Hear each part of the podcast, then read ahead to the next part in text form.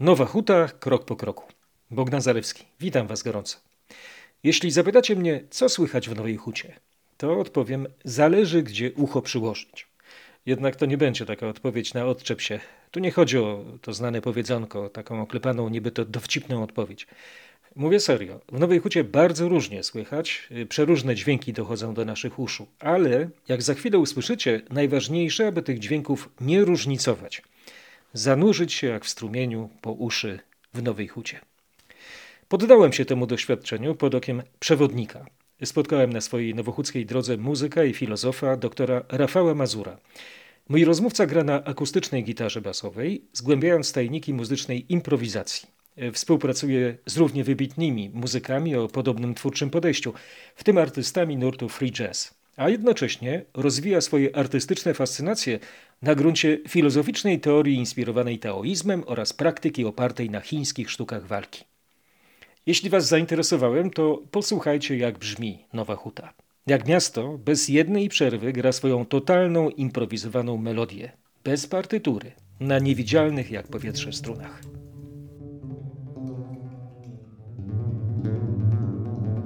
Jesteśmy na Placu Centralnym. To jest pudło rezonansowe. No nie, to nie jest pudło rezonansowe, bo to jest wszystko pootwierane. Mamy otwarcie na łąki nowołódzkie. Ale jest to miejsce, w którym dzieje się akustycznie bardzo wiele. Można usłyszeć padający śnieg? Myślę, że można.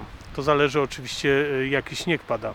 Dzisiejszy śnieg ciężko byłoby usłyszeć, bo to są te takie bardzo miękkie drobiny, natomiast kiedy pada zamarznięty deszcz albo jest niższa temperatura, tak jak było dwa dni temu, no to mam w domu dwie godziny nagrania padającego śniegu w mieście.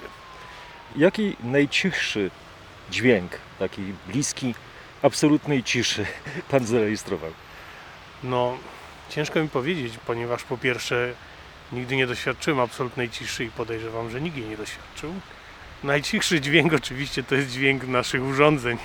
Kiedy nagrywamy cokolwiek i, i okolica zaczyna się robić bardzo cicha, to zaczyna się kłopot, bo nie wiemy, czy ten taki mikroszum to jest rzeczywisty, czy on pochodzi sprzed wzmacniaczy. W sumie to ciężko mi powiedzieć, bo nigdy nie, nie robię klasyfikacji dźwięków na nagraniach, bo ja się zajmuję bardziej słuchaniem całości niż poszczególnych elementów tego wszystkiego. Pan się powołuje w swoich teoriach na Briana Eno. On y, wymyślił takie sformułowanie ambient. Czy, czy można mówić o takim nowochódzkim ambiencie tutaj w tym miejscu, gdzie się znajdujemy? No na pewno można mówić.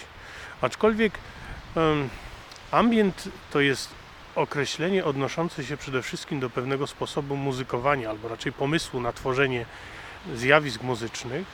Natomiast ja bardziej się zajmuję tym, co istnieje bez człowieka, po to, żeby zwrócić uwagę słuchaczy na to wszystko, co się dzieje wkoło nas.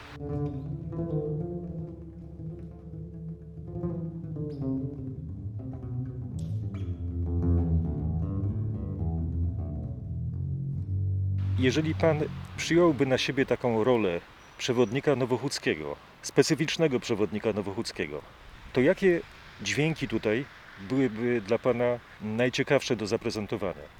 Można to mówić o jakichś zabytkach dźwiękowych na przykład? No, spodziewałem się takiego pytania i od razu odpowiem wszystkie dźwięki. Tutaj są y, warte tego, żeby słuchać. Y, natomiast ja pozwolę sobie troszeczkę odpowiedzieć na podobne pytanie, ale nie do końca.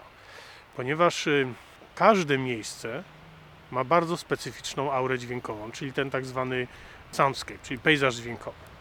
I w Nowej Hucie oczywiście są miejsca absolutnie tylko i wyłącznie dla niej przypisane, natomiast one na pierwszy rzut oka mogą się wydać zupełnie identyczne z wieloma innymi w innych miejscach i miastach. Natomiast to, co moim zdaniem jest interesujące w Nowej Hucie, to nie tyle pojedyncze dźwięki, jakichś urządzeń czy ruchu drogowego i tak tylko to są miejsca, Mam takie dwa absolutnie ulubione. Jedno znajduje się całkiem niedaleko stąd, bo jesteśmy na placu centralnym. Jakbyśmy przeszli te paręset metrów dalej i stanęli na skarpie łąk nowochódzkich, to byśmy usłyszeli, no tylko prawdopodobnie w zimie, znaczy na pewno w zimie jest to troszeczkę mniej aktywne, ale w lecie, na wiosnę albo na jesień, łąki żyją. W sensie wydają bardzo dużo dźwięków tak zwanej biosfery, czyli dźwięków, mówiąc kolokwialnie, natury. I nagle miesza się to nam właśnie z dźwiękami placu centralnego, który jest bardzo, my to nazywamy w świecie tych ludzi, którzy zajmują się pejzażem dźwiękowym, antroposfera. To są rzeczy technologiczne, które pochodzą po prostu z, z aktywności ludzkiej. Jest to nieprawdopodobne. Spędzam tam bardzo dużo czasu. Kiedy robiłem dwa lata temu tak zwany soundwalk tutaj z okazji dnia spaceru dźwiękowego w Nowej Hucie, to właśnie tam poprowadziłem y, wszystkich, którzy przyszli, gdyż to jest to miejsce, które no w nim się zbija to wszystko. Zbija To się... jest, można porównać z takim miksowaniem, to jest taki miks. No tak, tylko że dokonujemy go sobie w sposób naturalny. On się tu po prostu dzieje, prawda? No i to jest coś, co Nową Hutę moim zdaniem wyróżnia troszeczkę, ponieważ takie połączenia bliskie miejsc, które są bardzo aktywne technologicznie, mają bardzo mocny wydźwięk antroposfery, czyli dźwięków technologii człowieka, z miejscami, które są bardzo aktywne biosferycznie, no to one w miastach się zdarzają rzadko.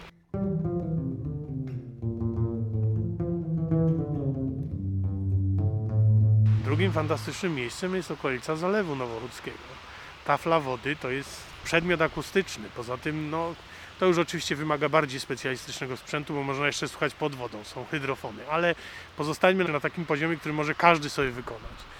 Zalew Nowochódzki to znowu jest zetknięcie dźwięków, szczególnie na przykład wcześnie rano, znowu dźwięków rodzącej się przyrody. Tam jest bardzo dużo ptaków. Poza tym niedaleko jest Dłubnia. To są dźwięki płynącego strumienia, a równocześnie cały czas dociera do nas dźwięk chociażby tramwajów, które jadą do centrum administracyjnego, samochodów, które przejeżdżają bulwarową. Mamy tę mieszankę, prawda? Tak, to jest, to jest właśnie to, bo- Huta jest miastem zielonym. To jest w niej dosyć niezwykłe, prawda? Ponieważ większość dużych miast to naprawdę z zielenią ma niewiele wspólnego. No chyba, że ktoś lubi malować kolorem zielonym i dużo się pojawia na budynkach, ale tutaj mamy duży jakby akcent przyrodniczy. Park tak zwany ratuszowy. To też jest szczególnie rano polecam spacer tam na drzewach po prostu Roi się od ptaków. tak jest, to jest w ogóle symfonia, no, nieprawdopodobne. Poza tym, no wiecie Państwo, właśnie dokładnie tak jak tutaj, gdzie się znajdujemy, gdzie się przed nami otwierają w różnych kierunkach takie arterie. Dźwięk stamtąd ciągnie. Raz mocniej, raz słabiej, no ale to jakby nie ma znaczenia, prawda? No takie miejsce jak Plac Centralny zbiera to, tutaj wszystko się zjeżdża. O, pudło rezonansowe. To jest Aleria Róż, tam gdzie stał kiedyś e, nasz Tak, znajomy z, dyrygent. z daleka. Tak. E, Tam rzeczywiście brzmi to całkiem niezwykle, ponieważ tam szczególnie polecam e, słuchanie w lecie w ciągu dnia, ponieważ tam się znajdują dwie lodziarnie. Jest bardzo duża ilość ludzi i dzieci, a nad nami latają jeżyki. I to rzeczywiście kumuluje tam nieprawdopodobnie. Tam jest pudło rezonansowe, takie autentyczne. Odbija się to jeszcze od ścian betonowych, prawda? Czy tam to, to są raczej cegły, no ale to, to jest materiał, który dźwięku nie wchłania, więc on go od, od, odbija. Tam się tworzą bardzo ciekawe struktury dźwiękowe. Poza tym jeszcze proponuję na przykład, bo można to zacząć robić na środku tego miejsca, czyli tam, gdzie stał e, towarzysz. Wołodia. I można troszeczkę sobie przejść w głąb Alei Róż, stanąć przy ulicy i wtedy nagle do tego dołącza orkiestra autobusów, bo tam jest kilka przystanków i jest w niektórych godzinach rano albo po południu zaczyna się bardzo intensywny ruch, bo to jest takie miejsce, gdzie, gdzie dosyć dużo ludzi korzysta z tej komunikacji miejskiej. Autobusy w tych miejscach, kiedy zaczynają hamować, otwierać drzwi, odjeżdżać, tam jest taki też ostry zakręt w kierunku na Alei Róż, no też jest to bardzo niezwykłe doświadczenie. Tam jest świat dziecka, to my możemy wrócić do takiej, no, w dobrym sensie tego słowa, naiwności percepcji słuchowej, prawda? Trzeba próbować moim zdaniem, bo to jest y, pewnego rodzaju sposób takiego bezpośredniego istnienia w świecie. Chodzi o to, żeby słuchać w pewien sposób. Jak przestaniemy, tak jak proponowałem, identyfikować te dźwięki i je jeszcze różnicować na te ważniejsze i mniej ważne, tylko spróbujemy się zanurzyć w tym oceanie wibracji wkoło nas, no to to jest, to jest takie doświadczenie w zasadzie pierwotne. Nagle odnajdujemy tą rzeczywistość innym zmysłem i też ją przestajemy dzielić na po lewej, po prawej i tak dalej. Nagle, nagle zewsząd te dźwięki wchodzą. Jesteśmy jak, no nie, nie chcę powiedzieć, że jak w kuli, ale jesteśmy wewnątrz jakiegoś wiru dźwiękowego, bo dźwięk cały czas płynie, on nie stoi w jednym miejscu, prawda? To jest, to jest doświadczenie nieprawdopodobnego ruchu i zmiany. To jest coś, coś, coś do, moim zdaniem do XX wieku dosyć mocno pomijane w naszej kulturze, ale teraz nagle rodzą się te wszystkie takie aktywności typu właśnie słuchanie soundscape'ów, spacery dźwiękowe. serdecznie polecam. Pan opowiada bardzo interesująco, natomiast od razu muszę przyznać, że równie interesującym rozmówcą dla mnie w tym momencie jest właśnie ta aura dookoła. Oczywiście. I wtedy, kiedy Pan mówił, to naprawdę nie udało mi się uciec, pomimo że starałem się podążać za, za Pana zdaniami, od dźwięków dookolnych. No tak. W tym czasie, kiedy Pan mówił, przejeżdżała obok karetka prawdopodobnie, bo usłyszałem sygnał y, syreny gdzieś tam w oddali. Oczywiście dookoła nas y, jest cały czas ruch, ruch samochodów. Bardzo intensywny. bardzo intensywny, tym bardziej, że my się znajdujemy właściwie w takim centrum, dlatego to jest plac centralny. Tutaj miał kiedyś tak. być obelisk, taki gnomon, a my mamy tutaj taki gnomon muzyczny, prawda? No jest to, jest to miejsce dosyć niezwykłe. Ławce, która się znajduje dokładnie za nami, siedziałem, kiedy grałem y, podczas, w tym roku zrealizowałem taki projekt pięć spotkań z miastem. To było po ich, moich pięć improwizacji, bo ja się w muzyce zajmuję improwizacją. Pięć improwizacji właśnie z pejzażem dźwiękowym. Czwarta odbywała się tutaj. To jest mo- miejsce mocne akustycznie, nawet w nocy. Bo tutaj najmniejszy dźwięk właśnie Troszkę coś w tym jest, co Pan na początku powiedział, czy to jest y, y, pudło akustyczne. One się tutaj mocno wzmacniają, prawda? Proszę, ale ktoś dodał gazu. A Pan to słyszy inaczej niż ja w tym momencie, bo Pan ma słuchawki i mikrofon. To też jest bardzo mocne doświadczenie słuchania bliskiego. To jest niezwykłe, niezwykła sprawa. Znowu jest tutaj antropocentryzm, prawda? Bo jednak od tego, w jaki sposób my odbieramy te, te dźwięki, w jaki sposób człowiek odbiera te dźwięki, e, w jaki sposób te dźwięki są też wzmacniane No e, tak. w nas, bardzo wiele zależy w tym pejzażu miejskim. No pejzaż miejski w ogóle należy do antroposfery, więc on jest stworzony przez człowieka. Yy, No i to, o czym rozmawiamy, czyli słuchanie, tak jak my je rozumiemy, jak o nim rozmawiamy, no to to jest czynność ludzka. To znaczy wszyscy słuchają, wszystkie istoty prawdopodobnie słuchają, bo nawet jak nie mają tak wykształconych organów słuchu, jak my, w sensie uszu, no to odbierają wibracje, prawda? Bo dźwięk to jest po prostu wibracja.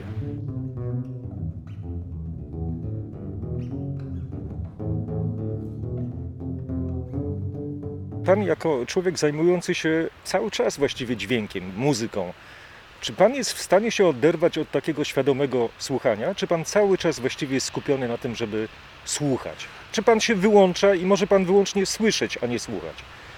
No właśnie. Ja nie jestem pewien, czy ja świadomie słucham, bo całą mam taką koncepcję słuchania nieróżnicującego i ona nie jest związana ze świadomością.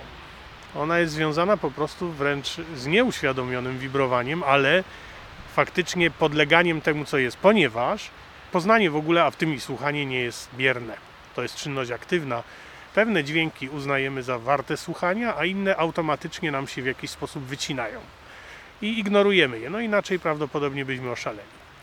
Więc y, po pierwsze, w takim razie nie będzie mowy o tym, żebym ja świadomie słuchał, bo staram się nieświadomie, ale usłyszeć wszystko, ponieważ kiedy zaczynam świadomie uruchamiać moje słyszenie, to ono jest kierunkowe i słyszę pewne rzeczy, innych nie. Ale po drugie, staram się przekroczyć te pewne granice poznania nałożone przez struktury poznawcze i słyszeć wszystko. Ale oczywiście to nie jest mój stan codzienny i naturalny, bo bym oszalał. To jest w ogóle czynność, y, ta o której mówimy, takie słuchanie tego typu, to jest czynność, y, którą trzeba dosyć długo trenować i tak naprawdę trzeba ją jakby zaaplikować. To nie jest naturalny stan poznawczy, jaki człowiek ma. Wręcz odwrotnie. Myślę, że umysły ludzkie raczej starają się ograniczać ilość bodźców dochodzących do nas, no bo byśmy chyba źle skończyli.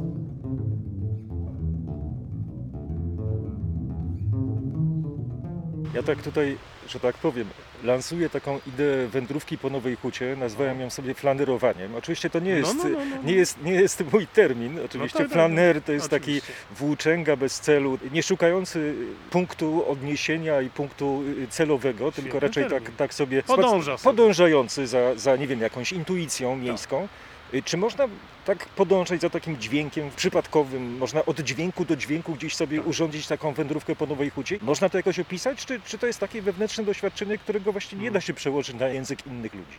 Troszeczkę jest to takie wewnętrzne doświadczenie w tym znaczeniu, że nie mamy terminologii w naszym języku, która by opowiadała o tym, ponieważ to są rzeczy dotyczące praktyki osobistej. Ja kiedyś o tym zacząłem myśleć, żeby przeprowadzać takie spacery związane z warsztatami tego rodzaju słyszenia, No nie miałem okazji jeszcze tego zorganizować, oprócz tego jednego razu w 2019 roku, ale one też jakby ten spacer dźwiękowy, który urządziłem, nie był dokładnie tym, o czym teraz byśmy mogli mówić, kiedy byśmy chcieli rzeczywiście zagłębić się w tego rodzaju flanerowanie albo wędrowanie, czy podążanie za dźwiękiem, ponieważ no on wymaga troszeczkę wysiłku. Moim zdaniem dobre do tego są właśnie rzeczy, w które Pan teraz jest uzbrojony, czyli mikrofon, słuchawki, rejestrator dźwięku, bo on pozwala nam usłyszeć rzeczy, których normalnie nie słyszymy. A proszę mi uwierzyć, po jakimś czasie pracy z tego typu narzędziami, nasze słuchanie bez mikrofonu o wiele bardziej się pogłębia. Wtedy nagle okazuje się, że ta warstwa dźwiękowa, która nas otacza, jest o wiele głębsza i bogatsza niż nam się kiedyś wydawało. Mniej dźwięków zostaje przez nas ignorowanych. I nagle się okazuje, że słyszymy bardzo dużo, w bardzo szerokim spektrum, na różnych poziomach. No i wtedy można rzeczywiście zacząć podróżowanie, bo te dźwięki, to co wkoło nas jest, soundscape, to jest absolutnie niekontrolowane przez nas, jest nieregularne, nieliniowe, czyli pochodzi zewsząd, bo nie słyszymy tak jak widzimy w jednym kierunku, tylko słyszymy zewsząd. Czyli taka trochę miejska matematyka chaosu, tak? No tak, tak, zdecydowanie to ma bardzo wiele wspólnego z teorią chaosu. Właśnie nieliniowość, nieregularność, jak najbardziej. Systemowość, bo to, są, bo to wszystko się ze sobą łączy. I wtedy nagle możemy po takim treningu słyszenia, bo te narzędzia nam bardzo dużo dają, mikrofony i słuchawki, wtedy rzeczywiście możemy oddawać się takiemu podążaniu, bo tych dźwięków nagle przychodzi do nas mnóstwo. Na tym to moim zdaniem polega, bo ja takie rzeczy robię, sandwalk, czyli spacerowanie dźwiękowe podążamy za dźwiękami, które przybywają nagle i niespodziewanie. To nie jest logika, to nie jest jak w muzyce, że prowadzimy, czy ktoś prowadzi jakiś ciąg dźwięków, które tam zgodnie z pewnymi regułami powinny po sobie następować w pewien sposób. Soundscape tak nie działa, czyli ten pejzaż dźwiękowy. On działa zupełnie inaczej, Otwarta forma. absolutnie, całkowicie i zupełnie nieprzewidywalna. Ciężarówka przed chwilą przejechała, a za chwilę może wjechać traktor jakikolwiek, no bo będą przewozić coś wielkiego. Samolot nad nami przeleci, za chwilę ktoś krzyknie, ktoś przejedzie ciężkim motocyklem, ktoś strzeli petardą, no, no rzeczy, które są absolutnie nie do przewidzenia. I wtedy rzeczywiście takie podążanie tym dźwiękiem to, to jest doświadczenie nieprawdopodobne. W XX wieku już byli tacy prekursorzy. Ja tak. przeczytałem w Pana artykule, prawda, no, duży tekst na temat Johna Cage'a. John Cage to jest taka ikona, jego się używa po prostu, bo jest jakby najsłynniejszy, natomiast o wiele, no było całe mnóstwo muzyków, którzy po prostu w pewnym momencie zaczęli używać dźwięków e, otoczenia, dźwięków rzeczywistości do tworzenia muzyki, to od tego się zaczęło. To była muzyka konkretna, jednym z tych pierwszych był pierwszy fer, prawda? I to oczywiście związane jest z rozwojem technologii, bo można było nagle te dźwięki nagrywać, później je wzmacniać, czyli słyszeć te rzeczy, które były normalnie niesłyszalne, no i ciąć i robić z tego różne rzeczy, ale później zrobiła się zupełnie nowa gałąź, mianowicie nagrywania i słuchania świata po prostu. Już nie tworzenia z niego muzyki, czyli kawałkowania tych nagrań i tworzenia sobie z tego jakichś struktur, tylko odbierania tych struktur dźwiękowych, które nas otaczają wprost. Po prostu wchodzenia w nie. Jedną z takich osób, które jakby było, była, jest nadal ikoną tego rodzaju działalności, był Bernie Krause. To jest człowiek, który założył ma tak, taką stronę internetową Wild Sanctuary, ponieważ on dokonał olbrzymiej ilości nagrań y, dźwięków soundscape'u naturalnego, czyli tej tak zwanej geo i biosfery. No jest to odrębna działalność w ogóle w muzyce. Są kompozytorzy, którzy dokonują takich rzeczy, które nazywają się soundscape composition, czyli komponują muzykę tylko i wyłącznie z dźwięków nagranego soundscape'u. Są ludzie, którzy w ogóle tylko soundscape'em się zajmują, polecam zobaczyć sobie na YouTubie, jest mnóstwo, trzeba wpisać soundscape. Po prostu jest mnóstwo ludzi, którzy po prostu wystawiają mikrofony albo gdzieś jeżdżą specjalnie, nagrywają świat i na przykład są godzina albo dwie, no nie wiem, przez okno w Mexico City albo na przykład jakiś fragment łąki albo coś. Olbrzymie ilości odtworzeń. Ludzie słuchają. Jakie było źródło tego typu myślenia o świecie dźwiękowym? Y, Bo y, no, John Cage się bardzo mocno inspirował y, kulturą, filozofią wschodu, Mhm. prawda? Czy, Tak, tak. czy to stamtąd przyszło? Lux et ex oriente, czy raczej dźwięk ze wschodu? Mogło przyjść stamtąd. Ja do, dokładnie jakby historycznie nigdy tego nie badałem, natomiast y, faktycznie moje własne zainteresowania wynikają z moich zainteresowań Dalekim Wschodem, bo ja filozofią zająłem się po to, żeby studiować y, filozofię Dalekiego Wschodu, dokładnie filozofię taoistyczną, bardzo starożytną, 2,5 tysiąca lat temu stworzoną. No i faktycznie w ramach tych różnego rodzaju sposobów myślenia o sztuce i muzyce na Dalekim Wschodzie, zresztą nie tylko o muzyce, w ogóle o świecie, tam jest trochę inny paradygmat myślenia o, o, o wielu rzeczach, o świecie w ogóle. Ja na przykład w pracy doktorskiej wysunąłem hipotezę o tym, że być może podstawy na pewno chińskiego, a w związku z tym i dużej części Dalekiego Wschodu myślenia są audiocentryczne w odróżnieniu od okulocentrycznych. Że jednak oni tym pierwszym zmysłem, na którym wybudowali sobie cały system poznawczy, już intelektualnie opracowany, to tym pierwszym zmysłem u nich prawdopodobnie było ucho. Zresztą słyszenie jest tam niezwykle ważne. Mędrzec w chińskich znakach jest zapisywany z, z, takim, z jednym z tych znaków, który się składa na, na mędrca, jest R, czyli ucho, ponieważ mówi się o długich uszach mędrca. W odróżnieniu od naszego mędrca, który ma szkiełko i oko, albo mamy sokoli wzrok, albo w ogóle widzimy coś bystro i to jest metafora naszego poznania, to oni mówią, że należy coś słyszeć. I jak się dobrze słyszy, to u nich to są metafory poznawcze. Że mędrcy słyszą świat.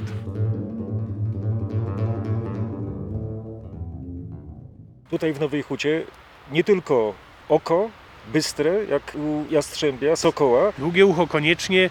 Tu jest wszystko. Po prostu no fantastycznie słychać na Placu Centralnym. Polecam wszystkim, nie tylko nowochucianom, ale tym, którzy siedzą w murach Krakowa, polecam przyjechać do Nowej Huty, bo tu się otwiera przestrzeń i zamyka. Jest głośno i jest cicho. Są dźwięki po prostu wszelkie możliwe. No, to jest aż wręcz nieprawdopodobne. no teraz zamykamy oczy. No.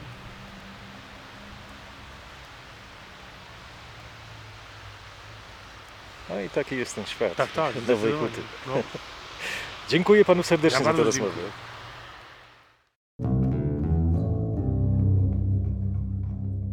Doktor Rafał Mazur, jak dalekowschodni mistrz, otworzył mi oczy, pardon, długie uszy na całkiem nową, nową hutę.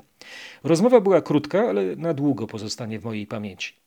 Kiedy w ten śnieżny wieczór wróciłem z placu centralnego do mojego mieszkania w bloku na osiedlu Centrum E, od razu ściągnąłem z półki tom Tao Te King, Księga Sensu i Życia, bo pragnąłem na koniec jak zwykle napisać wierszyk. Otworzyłem na przypadkowej stronie i przeczytałem.